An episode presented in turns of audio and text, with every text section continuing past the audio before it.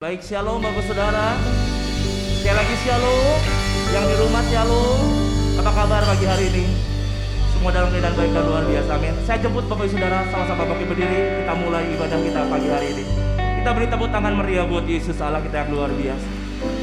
Kami dedikasikan ibadah kami hanya dalam satu nama, yaitu Tuhan Yesus Kristus. Tuhan kami yang luar biasa. Haleluya. Mari tepuk tangan buat Yesus kita, saudara.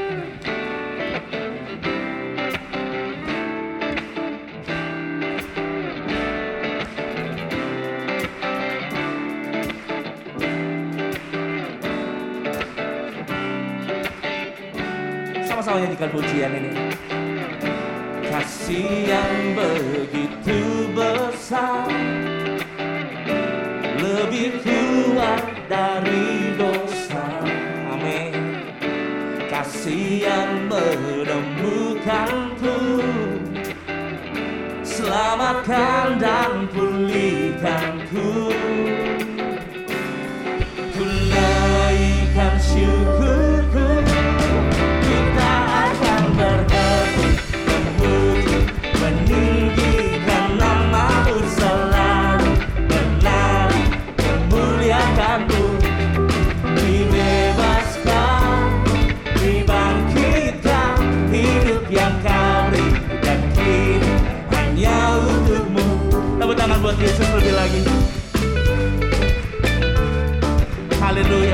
di tempat ini Bapak Ibu Saudara. Haleluya, haleluya.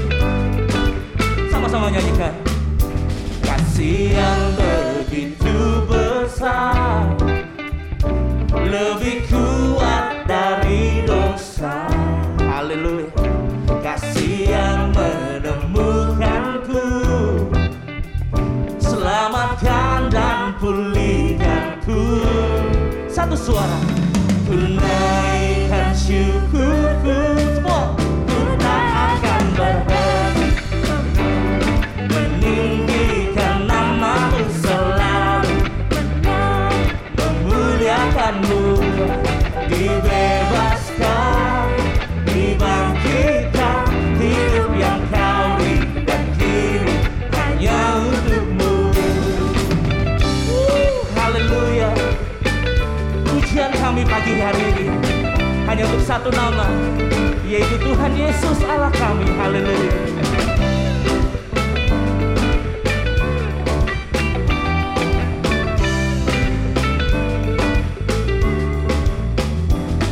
Ku naikkan syukurku. Sekali lagi Bapak Saudara. Ku naikkan syukurku. Ya. Haleluya. Bersuka cita di dalam Tuhan Karena sukacita Tuhan adalah kekuatan bagi jiwa kita. Haleluya.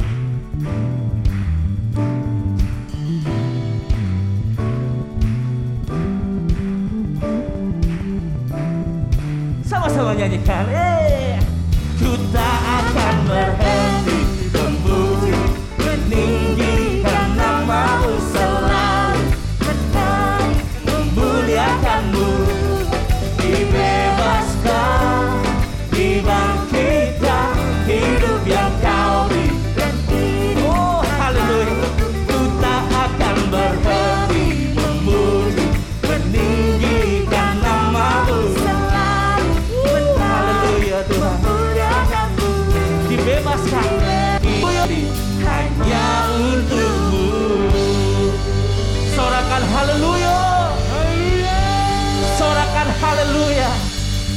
Haleluya.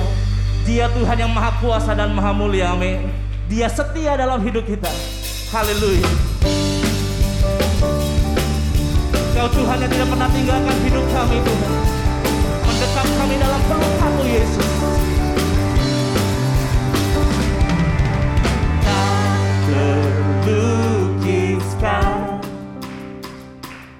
kasih yang kau berikan. Haleluya. Karya terlegah Tiada bandingannya. Dekat kasihmu. Dekat kasihmu.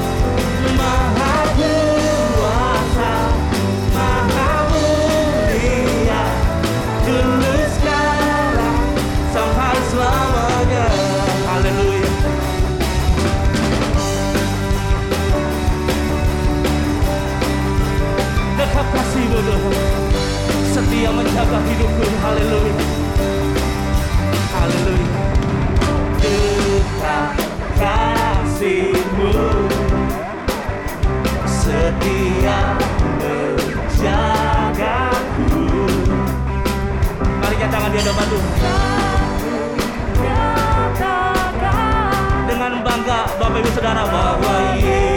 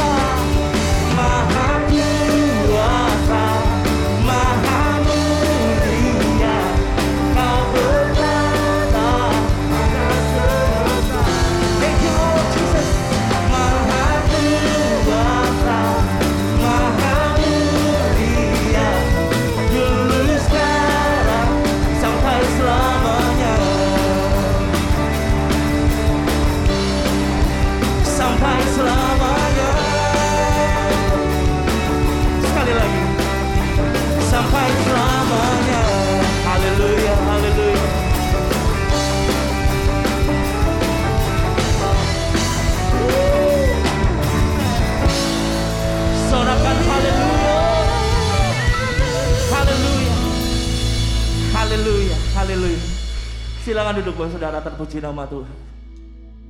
Di dalam dekap kasih-Mu yang setia jaga hidup kami Tuhan. Engkau Tuhan yang tidak pernah tinggalkan hidup kami.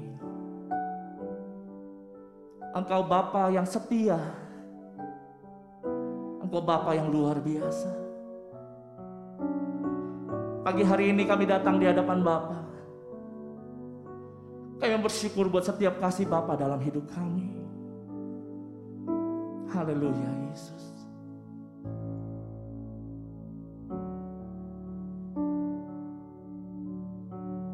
Sama-sama nyanyikan Bapak Saudara. Bapa, kau setia. Bapa, kau mulia. Tenanglah jiwaku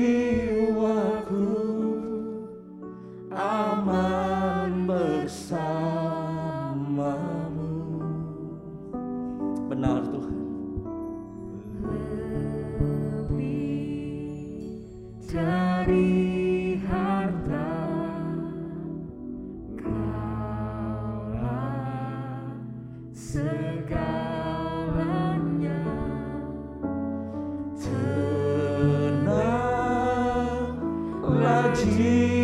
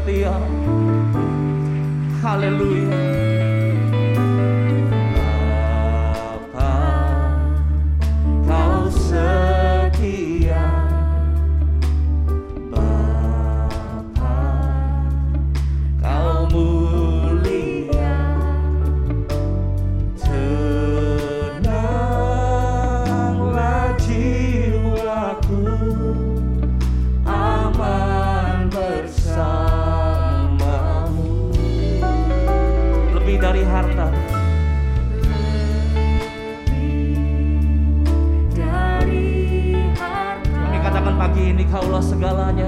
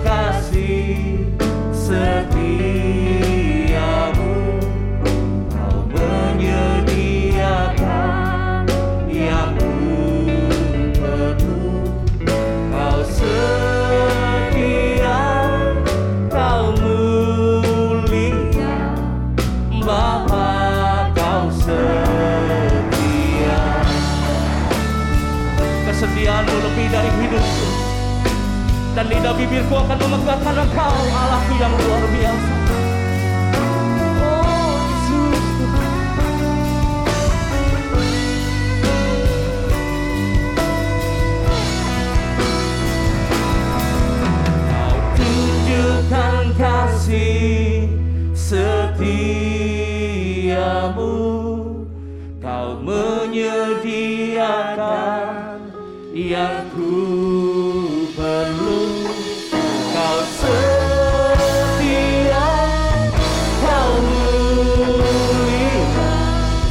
그들이 모두 나라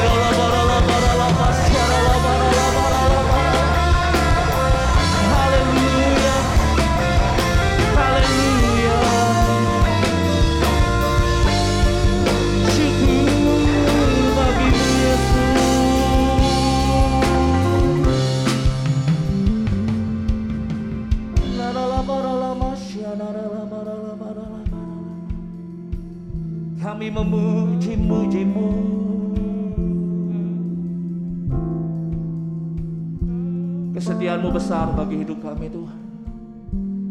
Oleh sebab itu kami angkat kedua belah tangan kami di hadapan Tuhan. Mari Bapak Ibu Saudara angkat kedua tanganmu di hadapan Tuhan. Angkat hujan lebih sungguh lagi. Kau tunjukkan kasih setiamu.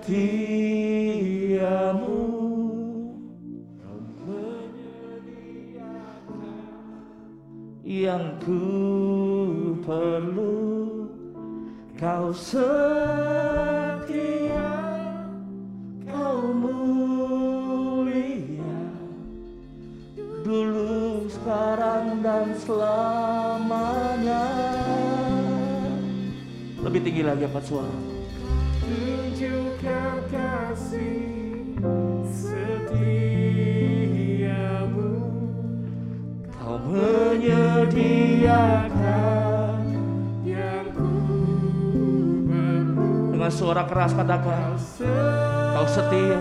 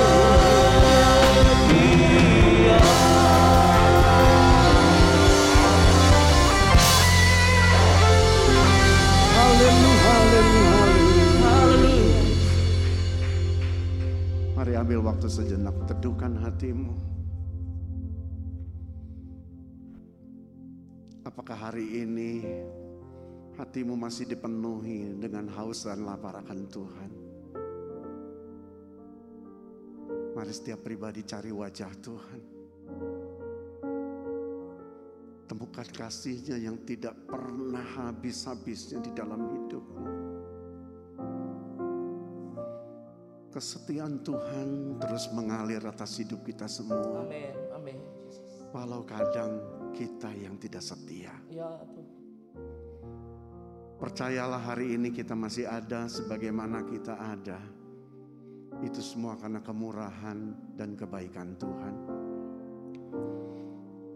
Bapak ini kami anak-anakmu. Kami rindu Tuhan. Untuk mendengar setiap nasihat dan sabdamu. Berbicaralah. Dan biar Tuhan yang melembutkan setiap hati kami semua. Karena hati yang lembutlah yang diberkati oleh Tuhan. Urapi setiap kami, biarlah Tuhan yang memberikan roh pengertian, hikmat atas setiap kami. Sehingga firman-Mu menjadi landasan yang kuat untuk kami tetap mengikut Tuhan. Hari lepas hari, tahun berganti tahun, dan sepanjang hidup kami. Urapi hambamu yang tidak ada apa-apanya untuk menyampaikan isi hatimu. Biar Tuhan menaruh kuasa perkataan atas setiap firman yang disampaikan. Karena hamba cuman alat, tidak lebih dari itu. Terima kasih Bapa, ini waktumu. Biar roh kudus yang ambil alih semua jalannya ibadah ini. Awal, pertengahan, hingga akhirnya. Dalam nama Yesus. Setiap kita yang rindu diberkati. Sama-sama kita katakan, amin. Mari berikan kemuliaan bagi Tuhan terlebih dahulu. Silakan duduk ibu bapak yang dikasih Tuhan. Makasih WL, singer dan tim musik yang luar biasa.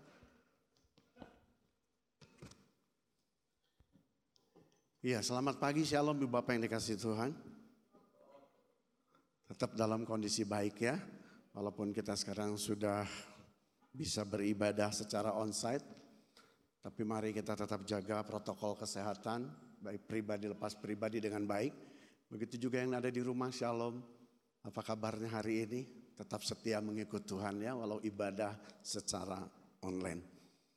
Oke, Ibu Bapak yang dikasih Tuhan, hari ini saya akan sampaikan satu tema menurut saya ini tema yang cukup menarik karena hari-hari ini ya untuk menghadirkan Tuhan di dalam situasi seperti yang kita hadapi hari ini itu agak susah. Ya, bagaimana kita hari ini merasakan Tuhan tidak pernah meninggalkan hidup saudara dan saya, itu perlu hubungan yang begitu erat dengan Tuhan. Ada prioritas hubungan yang begitu baik. Sehingga dengan demikian apa pun kondisinya saudara akan tetap terjalin dengan Tuhan. Saudara hari-hari ini mari kita introspeksi. Berapa banyak kita larut dan terbawa oleh perasaan. Sehingga kita lebih condong menyalahkan Tuhan dalam situasi seperti ini. Ada beberapa orang ngobrol, termasuk teman, berbicara begini, kenapa Tuhan membiarkan hidup saya menghadapi seperti ini? Kenapa Tuhan tidak memberikan kekuatan di dalam suasana seperti ini? Nah karena kita lebih condong memahami kehadiran Tuhan dengan pola pikir manusia. Sehingga di dalam pikiran kita bahwa kita adalah orang-orang yang terbebas dari masalah. Oh orang Kristen, orang percaya tidak pernah sakit. Kita selalu dibela, dilindungi Tuhan. Kita tidak masuk dalam pergumulan. No. Ingat Allah itu adalah Allah yang setia dan adil. Keadilan Tuhanlah yang membuat bahwa dia bukan semena-mena untuk menspesialisasikan anak-anak Tuhan di dalam menjalani hidup di muka bumi ini. Tapi percayalah ibu bapak bahwa hubungan pribadi dengan Tuhan akan membuat kita semakin kuat justru di dalam menghadapi situasi seperti ini. Bagi Tuhan untuk tolong saudara, untuk keluarkan saudara dari masalah dan pergumulan itu hal yang kecil. Tapi saya percaya kenapa Tuhan izinkan kita ada di dalam pergumulan. Karena Tuhan mau saudara memiliki iman yang kuat di dalam proses pemurnian ini. Contoh sekali waktu ketika kita juga mempercayai dan tahu bahwa Yesus waktu tergantung di atas kayu salib. Dia datang di dunia semua karena rencana Tuhan. Tapi sebagai manusia lihat, waktu dia tergantung, dia merasa ditinggalkan Tuhan. Makanya dia berkata, Eloi, Eloi, lama sabaktani. Itu artinya kan Allahku, Allahku, kenapa engkau meninggalkan aku? Nah pertanyaannya kenapa Tuhan tidak kirimkan malaikat Tuhan untuk tolong dia? Di balik itu kita boleh melihat ternyata kalau waktu itu Tuhan turunkan malaikatnya, Tuhan bawa Yesus untuk tidak mengalami penderitaan, maka sampai hari ini kita adalah bagian orang-orang yang tidak diselamatkan. Yang mengerti katakan amin. Jadi ternyata proses ini di dalam rencana Tuhan lebih besar dari setiap pertolongan yang Tuhan nyatakan. Hanya menjadi masalah hari ini kita lebih condong dikuasai oleh keadaan sehingga dengan demikian kita mulai ragu tentang kehadiran Tuhan. Kita mulai bimbang dan akhirnya muncullah mengasihi diri sendiri. Kenapa begini Tuhan? Kenapa begini Tuhan? Kenapa begini? Kita lebih condong menarik setiap jawaban itu sama persis dengan apa yang kita alami. Padahal ibu bapak mari kita perhatikan. Jawaban, rencana, janji Tuhan itu lebih besar dari setiap pergumulan yang kita hadapi. Amin. Nah karena Allah setia dan adil mari kita mau buktikan. Bagaimana kesetiaan dia yang selalu hadir di dalam setiap hidup anak-anaknya. Walaupun mungkin cara manusia kita berpikir kalau dia adil, dia tidak akan biarkan kita mengalami begini. No, justru karena keadilan itulah. Dia izinkan ada proses pemurnian di dalam hidup kita. Tapi perhatikan, bagi setiap orang yang mempunyai prioritas yang benar dalam membangun hubungan dengan Bapa, apa pun keadaannya, apa pun masalahnya, dia akan mengerti bahwa Allah yang dia sembah di dalam nama Yesus adalah pribadi yang tidak pernah meninggalkan hidup dia. Saudara sama sampaikan sebuah kesaksian. Makanya saya dapetin tema ini ada sebuah kesaksian menarik. Jauh sebelum pandemi, ada seseorang yang datang pada saya, kami konseling. Ini orang sudah terpuruk. Dia sudah tidak bisa sewa rumah. Dia datang, dia tidak minta diakonia, dia cuma minta gini, Pak tolong berikan, eh, tolong doakan supaya saya kuat menghadapi masalah ini. Saya tetap percaya Tuhan itu baik. Saudara terakhir kali dia cuma bisa kontrak satu ruangan. Suami, istri, dan anak yang sudah menginjak remaja. Itu jauh sebelum pandemi. Di mana dia melihat tetangganya udah pakai motor baru, beli mobil baru, beli rumah dan dia dia tidak salahkan Tuhan dengan keadaan gitu. Dia tetap percaya bahwa Allah memelihara hidup dia. Nah hari ini makanya muncullah tema ini saudara. Saya lihat di Facebook. Saya tahu ini orangnya. Sekarang dalam masa pandemi seperti ini. Dia bisa bangun rumah. Saya nangis di situ. Saya melihat ini orang yang betul-betul percaya bahwa Tuhan tidak pernah tinggalkan dia.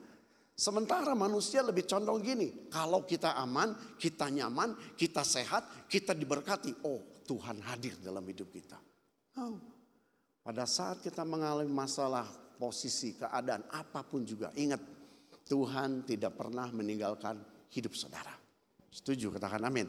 Nah mari kita mau melihat apa artinya dalam hal ini. Ingat bahwa tadi saya katakan Allah itu adalah Allah yang setia dan adil. Nah kalau adil ini berbicara bukan hanya untuk saudara dan saya saja. Tapi bagi semua umat manusia yang mengerti menerima dia sebagai Tuhan dan Juru Selamat. Dan membangun hubungan yang benar dengan dia. Nah, mari kita baca ayatnya. Di dalam Mazmur 37 ayat 28a. Baca sama-sama. 23. Sebab Tuhan mencintai hukum dan ia tidak meninggalkan orang-orang yang dikasihinya. Sampai selama-lamanya mereka akan terpelihara. A-nya saja. B-nya ini bicara tentang orang fasik yang akan lenyap binasa. Tapi saya mau ambil yang A-nya saja. Karena ini bagian hidup saudara dan saya. Perhatikan di sini. Sebab Tuhan mencintai apa? Hukum. Nah karena dia mencintai hukum, dia katakan gini, ia tidak meninggalkan orang-orang yang dikasihinya. Sampai bukan satu tahun, bukan dua tahun, selama-lamanya. Nah mari kita bongkar ayat ini ibu bapak, apa maksudnya? Siapa yang dipelihara dan tidak ditinggalkan Tuhan? Poin yang pertama, Alkitab tadi bilang gini, kalau saudara mencintai Tuhan Yesus, katakan amin Berarti saudara juga harus mencintai hukum-hukumnya Tuhan. Firmannya, nasihatnya. Kenapa? Karena dia sudah menjadi satu. Yesus adalah firman. Jadi jangan ambil gini, saya mencintai Yesus tapi saya tidak mau firmannya. No. Saudara mencintai Yesus Tuhan, saudara harus juga mencintai firmannya atau hukum-hukumnya. Nah, di dalam hal ini, hukum Tuhan itu adalah berbicara gini, membawa hidup saudara dan saya untuk tetap mendapatkan anugerah keselamatan. Hukum Tuhan itu berbicara seperti koridor di dalam hidup kita, batasan-batasan supaya kita akan tetap berjalan di dalam kasih karunia-Nya sampai di tujuan, yaitu rencana Tuhan atas hidup saudara dan saya. Makanya setiap firman dan uh, hukum-hukum Tuhan itu berbicara tentang petunjuk.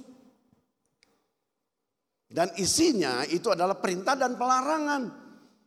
Nah makanya jangan heran kalau orang ngomong gini, komplain Tuhan mana? Tuhan di mana? Kenapa nggak kasih nasihat? Baca firman. Kita lebih condong cuman enjoy menikmati ibadah, tapi tidak mau melakukan bagian yang sebetulnya penting dari semuanya, yaitu persekutuan dengan Tuhan. Yang mengerti katakan, itu lebih penting. Prioritaskan ini supaya saudara mengerti ada petunjuk yang Tuhan berikan. Oh, ketika kita mengalami masalah dan keadaan seperti ini, apa yang saudara harus lakukan? Firman Tuhan akan berikan jalan keluarnya. Apa yang harus saudara lakukan, apa yang saudara tidak boleh lakukan. Firman Tuhan dan hukum-hukumnya bekerja. Saudara petunjuk berbicara begini, selama kita mengikuti petunjuk Tuhan. Apa yang dia larang tidak kita lakukan, apa yang dia perintahkan kita lakukan dan kerjakan. Maka hidup saudara akan ada di dalam keselamatan bersama dengan Tuhan. Kalau kita pergi keluar kota, saudara mau selamat, saudara mau sampai tepat waktu, lihat petunjuk-petunjuk di jalan. Itu orang tidak sembarangan. Dinas perhubungan simpan petunjuk-petunjuk di sana. Hati-hati di depan ada jalanan curam. Kita mulai kurangin. Jalan harus segini kilometer karena jalannya bergelombang. Kita kurangin, selamat kita. Begitu kita melanggar petunjuk itu dan kita mengabaikan petunjuk itu. Saya rasa kita akan mengalami masalah. Nah demikian juga di dalam hukum-hukum dan firmannya. Saudara mari kita mau belajar bersama-sama. Karena kita adalah bagian orang-orang yang dikasihi Tuhan. Katakan amin. Rencana Tuhan atas hidup saudara dan saya sama. Tuhan mau kita selamat. Walaupun kita di dunia harus menghadapi yang namanya sakit penyakit, masalah, keuangan, ekonomi, keluarga. Tapi jangan sampai kita putus hubungan atau persekutuan kita dengan Tuhan. Kalau kita putus berarti kita tidak lagi melihat bagaimana petunjuk Tuhan untuk kita keluar dari setiap masalah yang kita hadapi. Yang mengerti katakan amin. Nah yang jadi masalah adalah begini. Kita terlalu bangga dengan firman Tuhan. Kita punya Alkitab. Kita tahu di dalam Alkitab Yesus memberikan jalan keselamatan bagi kita yang terima dia. No, no, no, no. Tidak secara otomatis kalau kita punya hukum Tuhan, ya kita bisa terselamatkan. Tidak. Hari aja kita bingung menghadapi masalah yang kita hadapi. Kenapa? Karena kita tidak mengikuti petunjuk Tuhan. Kita tetap terobos setiap larangan Tuhan. Nah bagaimana caranya ibu bapak hidupi hukum-hukum Tuhan? Kalau saudara menghidupi hukum-hukum Tuhan, maka akan terpeliharalah hidup kita di dalam kebenarannya. Nah pertanyaannya, bagaimana caranya kita menghidupi hukum Tuhan? Ya praktekkan ada bagian Tuhan, ada bagian saudara dan saya harus kita kerjakan. Mungkin selama ini kita berpikir bahwa karena kita punya Yesus yang adalah pribadi yang luar biasa, maka kita aman-aman saja. Jadi begitu menghadapi keadaan seperti pandemi seperti ini kita kaget. Kita bingung, kita takut, kita khawatir. Karena kita berpikir anak-anak Tuhan pasti terpelihara dengan baik. No, tidak secara otomatis saudara, tapi saudara harus betul-betul hidupi hukum-hukumnya. Apa yang dia larang jangan lakukan. Apa yang dia perintahkan kerjakan dengan penuh semangat. Itu bagian saudara dan saya. Dan kita akan menikmati persekutuan yang akan membawa saudara tetap terpelihara. Dan saudara akan merasakan bahwa Tuhan tidak pernah meninggalkan hidup kita semua. Amin. Mari lihat ayatnya di dalam Yehezkiel 18 ayat yang ke-9. Baca sama-sama, dua tiga. Hidup menurut ketetapanku dan tetap mengikuti peraturanku dengan apa? Berlaku setia. Ialah orang benar. Saudara perhatikan di sini, hidup menurut ketetapan Tuhan. Ada di dalam koridor, ada di dalam batasan-batasan yang bagaimana Tuhan berbicara untuk kita tidak boleh langgar. Tetapi perhatikan, tetap mengikuti aturan main Tuhan. Tetap mengikuti petunjuk-petunjuknya. Nah kalau dikatakan dengan berlaku setia, kita tidak pernah lepaskan ya petunjuk hukum-hukum Tuhan, perintahnya, nasihatnya, firmannya di dalam hidup kita. Maka akan terpeliharalah hidup saudara dan saya Salah satu hal, kita tidak akan bisa tersandung saudara dalam hidup ini dan jatuh di dalam dosa. Karena firman Tuhan, hukum-hukumnya adalah pelita di dalam hidup kita. Itu janji Tuhan. Dan yang pasti arah dan tujuan kita tidak terganggu dengan keadaan. Kita akan tetap fokus kepada kemurahan Tuhan, fokus kepada keselamatan, fokus kepada janji-janji Tuhan. Keadaan tidak akan mengubah pandangan saudara. Kenapa? Karena kita menghidupi aturan main Tuhan, menghidupi hukum-hukumnya. Nah, jadi dalam kondisi seperti ini, poin yang pertama ingat Tuhan mencintai hukumnya. Kata mencintai di sini ya kita juga harus taat, setia, lakukan apa yang Tuhan mau perintahkan dalam hidup kita. Amin. Itu dasar yang utama. Ayat tadi Mazmur 38 kan berbicara Tuhan mencintai hukum. Nah baru ke bawahnya. Ia tidak meninggalkan orang-orang yang dikasihinya selama-lamanya. Jadi poin yang pertama ingat. Mari kita introspeksi. Apakah mas, saudara dan saya masih memiliki sebuah prioritas utama di dalam membangun hubungan dengan Tuhan? Itu dulu. Kalau keadaan membuat kita sudah lagi tidak nyapa Tuhan, keadaan tidak membuat lagi saudara baca firman, keadaan sudah lagi membuat saudara enjoy beribadah.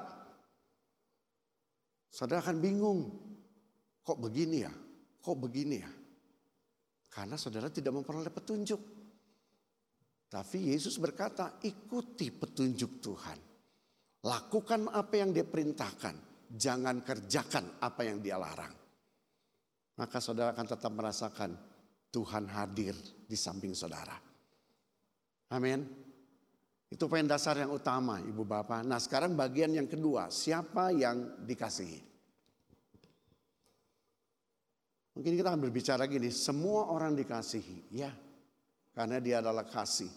Setiap pribadi yang menerima Yesus sebagai Tuhan dan Raja yang hidup adalah orang yang dikasihi. Saudara dan saya orang dikasih Tuhan.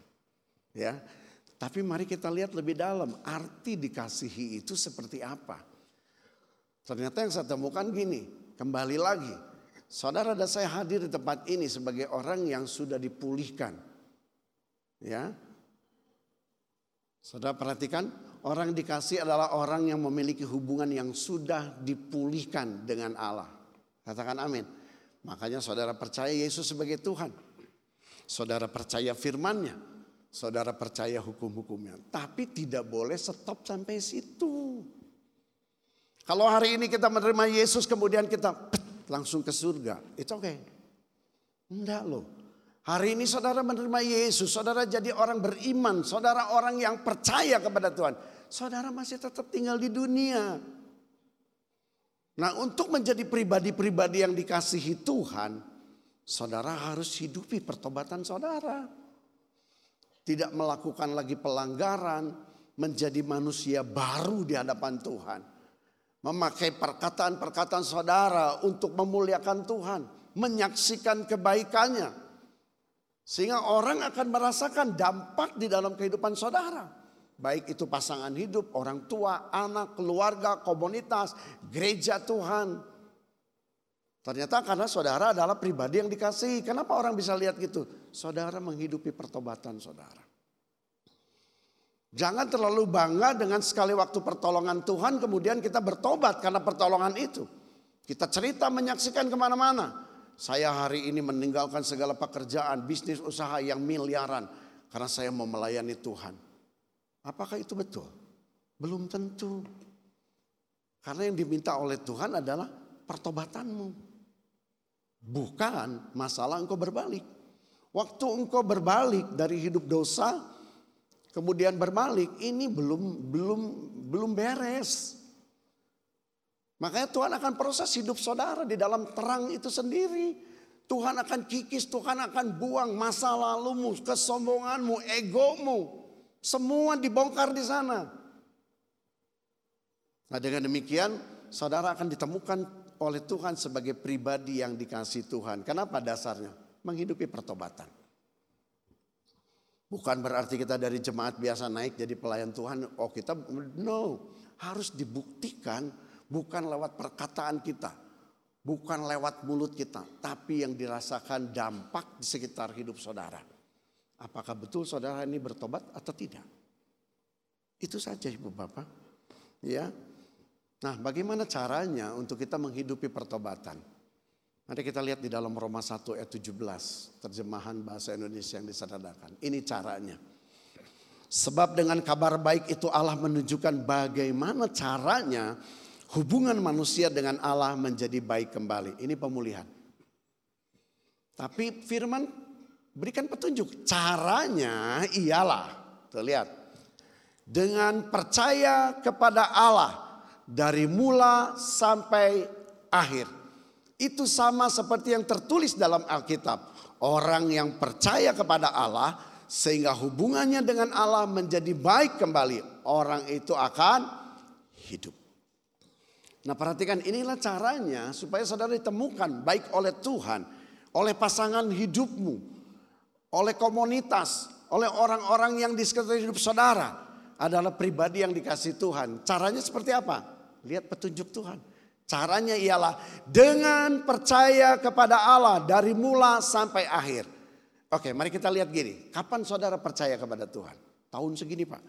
Sampai hari ini saudara ditemukan Tuhan sebagai pribadi yang percaya nggak? Ternyata ketika kita kepercaya, kepercaya kepada Tuhan bukan berarti kita bebas dari masalah. Bebas dari sakit penyakit. Bebas dari persoalan. Enggak. Tapi yang Tuhan mau adalah apa pun keadaannya pribadi saudara adalah pribadi orang yang masih tetap percaya kepada Tuhan. Sampai kapan? Sampai akhir hidup kita. Setuju katakan amin. Jadi jangan hanya puas dengan pertobatan saja ibu bapak. Tapi saya percaya bahwa orang yang menghidupi pertobatannya. Orang yang dikategorikan sebagai orang yang dikasihi Tuhan. Ciri yang utama adalah dirasakan oleh dia pribadi. Itu dulu. Jangan kita bangga gini, oh pelayanan, lihat-lihat orang melihat saya pelayanan, saya pakai jas, saya pakai dasi. No. Tapi izinkan Tuhan melihat dan saudara pribadi melihat, adakah saudara menghidupi pertobatan? Dampaknya secara real akan keluar. Nah salah satu ciri adalah begini, saudara akan didapati Tuhan sebagai pribadi yang selalu haus dan lapar akan Tuhan. Ini kan nggak mengganggu oleh karena diganggu oleh keadaan, tidak mengganggu orang lain. Ambil waktu yang terbaik, bangun hubungan pribadi dengan Tuhan. Kemudian saudara selalu membaca, mengikuti petunjuk Tuhan, mengikuti aturan main Tuhan, mempercayai hukum-hukumnya, melakukan segala perintah Tuhan, dan tidak melakukan apa yang dilarang oleh Tuhan. Maka saudara pribadi akan menemukan diri saudara itu orang yang dikasihi Tuhan. Bukan karena soal pejabat atau pelayanan. Nah, apa ciri yang utama haus dan lapar? Kita kan sering dengar orang harus haus dan lapar. Apa cirinya? Saudara ibadah seperti ini, apakah saudara haus dan lapar kepada Tuhan? Nah mari introspeksi. Ciri orang haus lapar Tuhan itu adalah gini, ada hasrat, ada passion untuk ketemu Tuhan, ada kerinduan untuk mengalami perjumpaan pribadi dengan Tuhan. Itu ciri orang yang betul-betul mencari Tuhan, haus dan lapar. Jadi cari Tuhan kan tidak dilakukan atau tidak dipengaruhi dengan keadaan Ibu Bapak. Apa pun keadaannya bagian kita adalah mencari Tuhan. Setuju katakan amin. Ya, mari lihat ayatnya. Mazmur 34 ayat 4. Baca sama-sama yuk, saya rindu ini menjadi kekuatan bagi kita semua. Dua, tiga. Aku telah mencari Tuhan. Lalu ia menjawab aku dan melepaskan aku dari segala Nah perhatikan kata melepaskan diri, melepaskan saudara dari segala kegantaran. Artinya keadaan tetap bisa berubah. Keadaan tidak tidak menjadi spesial di dalam hidup kita. Keadaan tetap orang dunia mengalami, saudara juga mengalami. Tapi yang menjadi beda adalah bahwa saudara ditemukan Tuhan sebagai pribadi yang mengasihi Tuhan. Kenapa? Selalu memiliki rasa haus dan lapar. Ada passion, ada hasrat, ada kerinduan untuk mencari Tuhan. Nah ini akan menjaga hidup saudara akan tertata dengan baik. Ya, jadi hari ini mari saya merindukan kita semua mengalami Tuhan dalam hal ini. Nah yang diragukan gini, bagaimana hari ini kalau kita sudah tidak punya hasrat cari Tuhan? Bagaimana hari ini kalau kita sudah kendor untuk ibadah? Bagaimana kalau hari ini kita sudah terlalu enjoy ibadah di rumah dan kita tidak mau lagi ibadah? Perhatikan ibadah online itu bagus. Tetapi saudara harus ikuti aturan main Tuhan. Menyediakan waktu yang terbaik. Ikuti ibadah dari awal sampai akhir. Saudara lihat anak-anak sekolah termasuk anak saya waktu ditanya oleh gurunya. Siapa yang mau sekolah online? Anak saya langsung aku tangan. Saya bu. Saya tanya, dek kenapa pengen sekolah online? Enak, bebas. Mau ngapain juga bebas. Nah hati-hati dalam ibadah online seperti ini pun apakah hasrat, kerinduan, passion saudara masih tetap ada atau tidak? Nah ini akan menjadikan kita sebagai pribadi yang dikasih Tuhan. Amin. Nah saya mau kasih sedikit saja, mari kita introspeksi, maaf ini bukan menghakimi. Kalau kita sudah tidak bergairah lagi mencari Tuhan, apa yang terjadi? Saudara mari kita introspeksi saudara akan mengalami yang namanya kekeringan di dalam batiniahmu. Saudara akan terus bersungut-sungut. Saudara akan terus ngomel. Saudara akan terus komplain sama Tuhan. Dan ini yang menjadi perkara yang besar bagi kita hari-hari ini. Kalau kita tidak ada hidup di dalam koridor hukum-hukum Tuhan. Amin. Nah mari kita melihat cirinya ini sebagai yang terakhir. Ada tiga hal ciri yang saya temukan ibu bapak kalau orang sudah tidak lagi bergairah cari Tuhan. Kalau orang sudah kekeringan di dalam batinnya. Cirinya adalah tiga hal ini. Satu dia akan selalu menolak firman. Ini setelah tong firman-firman berat eh, ini jalani hidup ini. Setiap kali nasihat firman Tuhan dia akan tutup telinga. Udah gak mau tahu lagi dah. Ini adalah orang yang sudah kering. Kerohaniannya batiniahnya kering. Apa pun itu nasihatnya, yang penting dia harus beres dengan masalahnya. Saudara perhatikan di sini. Yang kedua, dia mulai berjalan dalam kehendak sendiri. Nah, kalau sudah kita berjalan dalam kehendak sendiri, artinya, maaf kata, kita akan melanggar perintah Tuhan. Kita tidak akan tunduk pada aturan main Tuhan. Kita tidak akan turut mengikuti apa yang Tuhan perintahkan. Kenapa? Ya ego kita yang main. Kita sudah melangkah melakukan kehendak kita sendiri. Dan yang ketiga itu sebetulnya boleh dirasakan. Saudara dan saya akan kehilangan kasih yang semula. Saudara akan tinggalkan pelayanan. Saudara akan tinggalkan Tuhan. Saudara akan tinggalkan segalanya. Saudara kalau seseorang hamba Tuhan datang untuk mundur. Saya cuma ngomong begini. Pelayanan ini bukan milik saya. Bukan milik saudara tapi milik Tuhan. Kalau saudara mau mundur saya kasih waktu dulu apa pun masalah keadaannya, ngomong sama Tuhan. Betulkah saudara harus keluar dari pelayanan? Karena itu bagian untuk Tuhan, bukan untuk gereja. Dan saya melihat, maaf kata, setiap kali orang mundur dari pelayanan itu bukan menjadi lebih baik. Tapi ada banyak hal yang dihadapi menjadi lebih berat. Kenapa? Tidak ada dukungan dari Tuhan. Tidak ada kekuatan dari firmannya. Tidak ada nasihat lagi. Dia akan berjalan apa yang dia mau, dia akan jalani. Nah pertanyaannya kalau sudah kehilangan kasih mula-mula, saudara kita akan menjadi kering. Kita tidak peduli lagi dengan situasi apa pun, ini perintah Tuhan atau tidak, langgar atau tidak, kita kerjakan. Nah ini yang bahaya hari-hari ini.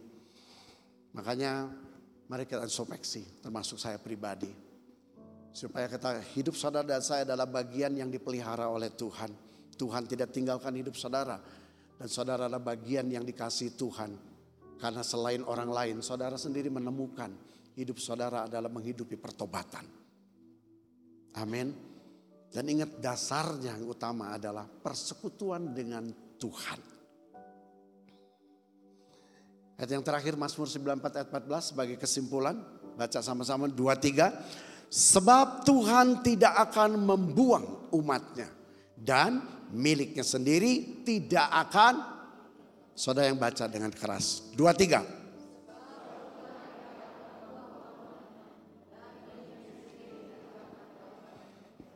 Setuju dengan ayat ini katakan?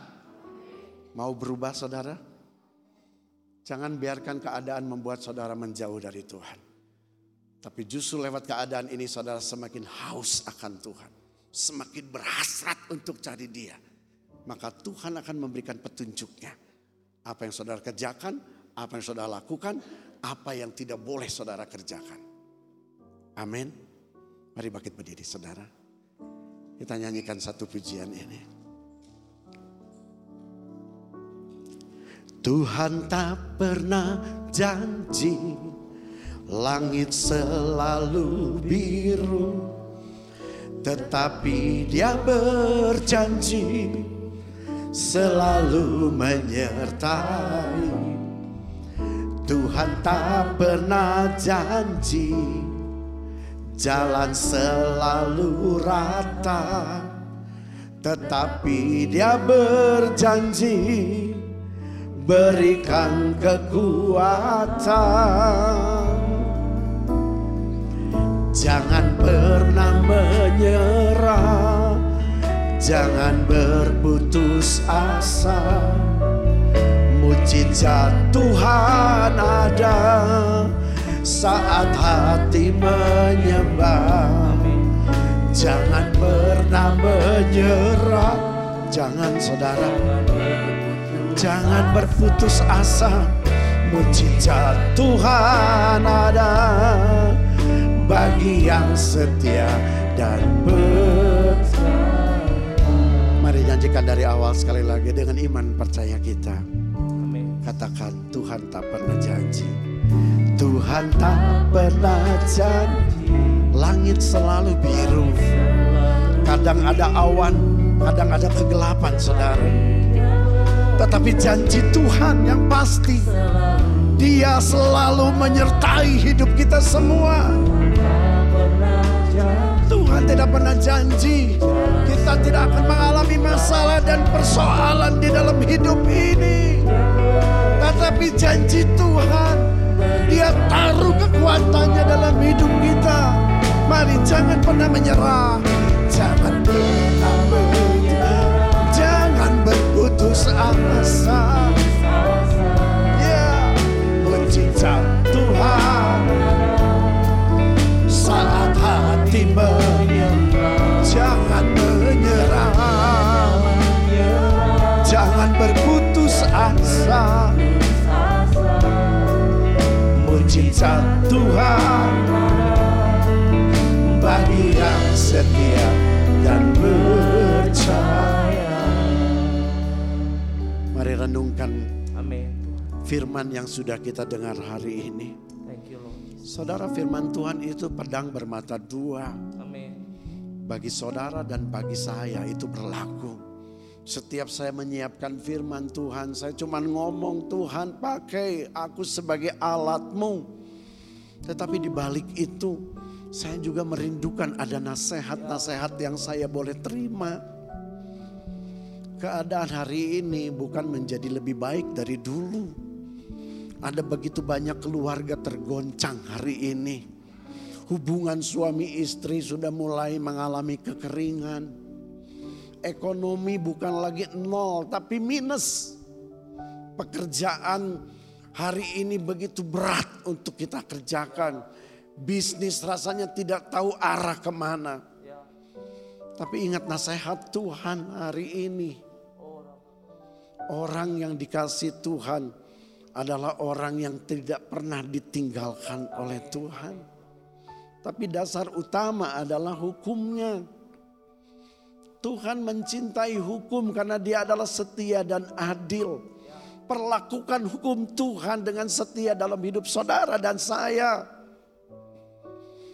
Karena lewat firmannya saudara akan menemukan petunjuk yang benar. Yang bukan berlaku untuk nanti. Tapi itu berlaku mulai hari ini. Saat saudara percaya kepada Tuhan. Dengan demikian saudara pun akan terbentuk dengan baik dalam hidupmu. Apa pun keadaannya. Naik turun gunung, turun ke lembah. Hubungan saudara tidak akan terpisah dari Tuhan. Makanya hari ini mari janji di hadapan Tuhan. Aku mau Tuhan membuat prioritas utama yaitu hubungan pribadi aku dengan Tuhan. Tidak usah lihat orang lain, tidak usah lihat keadaan. Untuk membangun hubungan pribadi dengan Tuhan tanpa lakukan apa-apa, tanpa terpengaruh dengan keadaan. Justru karena saudara memiliki hubungan yang spesial, maka pemikiranmu, pandanganmu terhadap keadaan akan menjadi berubah. Karena nasihat Tuhan akan mulai masuk dalam hidupmu. Saudara perhatikan hari-hari ini. Begitu sangat rentan kita dibawa hidup ini oleh karena perasaan. Bukan lagi oleh takut Tuhan. Sehingga kadang-kadang kita mulai meragukan apakah Tuhan tetap hadir dalam hidup kita. Apakah Tuhan tetap berjalan bersama dengan kita. Karena kita tidak pernah mau membaca firman-Nya. Kita tidak mau membuka petunjuk Tuhan. Hari ini mari buka hatimu, ambil komitmen di hadapan Tuhan. Aku mulai baca firman supaya apa pun keadaan yang aku hadapi, aku akan tetap berjalan di dalam kesetiaan kepada Tuhan. Tuhan tidak pernah janji hidup kita akan lebih baik dari orang lain. Tapi janji Tuhan adalah Tuhan akan taruh kekuatan dalam hidup orang-orang yang dikasihinya. Hidupi pertobatanmu hidupi pertobatanmu. Jangan puas hanya untuk menjadi saksi Tuhan sebagai pelayan Tuhan. Tapi biarlah diri saudara sendiri yang menemukan saudara sedang dan terus melakukan pertobatan di dalam hidupmu. Sampai akhir hidup kita. Aku percaya firman ini akan menjadi kekuatan bagi setiap kami semua. Tuhan terima kasih berkati setiap kami semua. Dan saya rindu sebelum kita mengakhiri, mari kita nyanyikan pujian ini sekali lagi Ibu Bapak. Tuhan tak pernah janji. Mari dengan semangat kalian. Tuhan tak pernah janji. Langit selalu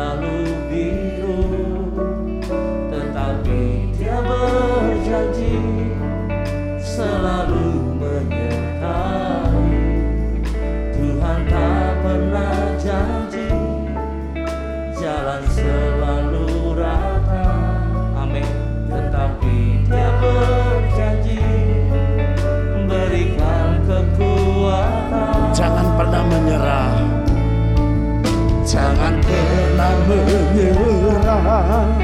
Jangan berputus asa. Mujizat Tuhan ada saat hati menyembah.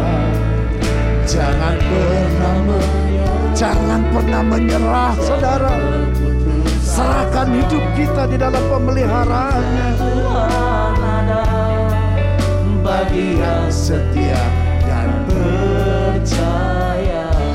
Bapak terima kasih untuk firman-Mu pada pagi hari ini. Aku berdoa kiranya kekuatan, kasih, kemurahan, anugerah Tuhan selalu mengiringi setiap umat Tuhan. Apa pun keadaannya hari ini, biarlah umatmu semakin bertumbuh di dalam pengenalan akan Tuhan. Supaya mereka betul-betul terjaga imannya.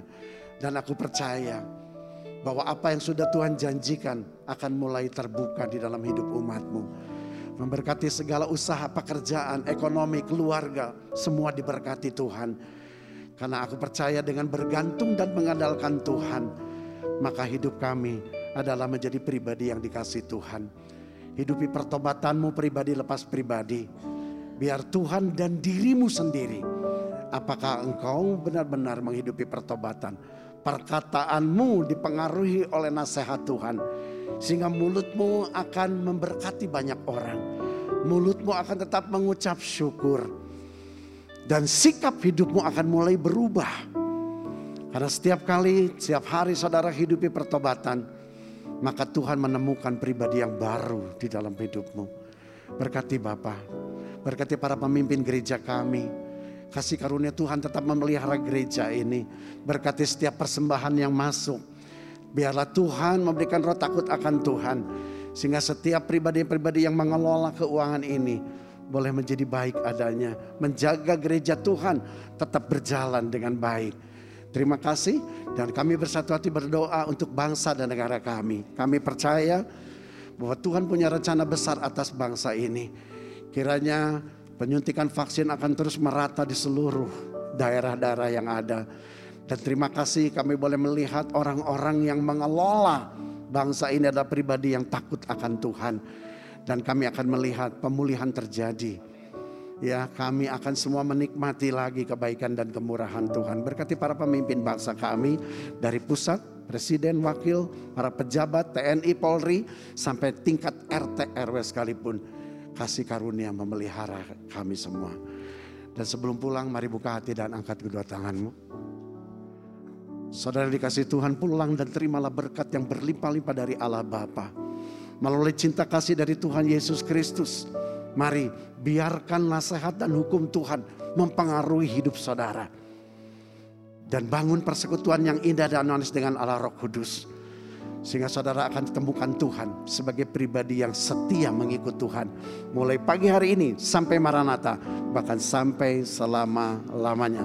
Setiap kita yang sudah terima berkat Tuhan. Sama-sama kita katakan. Amin. Amin. Selamat pagi. Tuhan Yesus memberkati Shalom. Silakan duduk Ibu Bapak.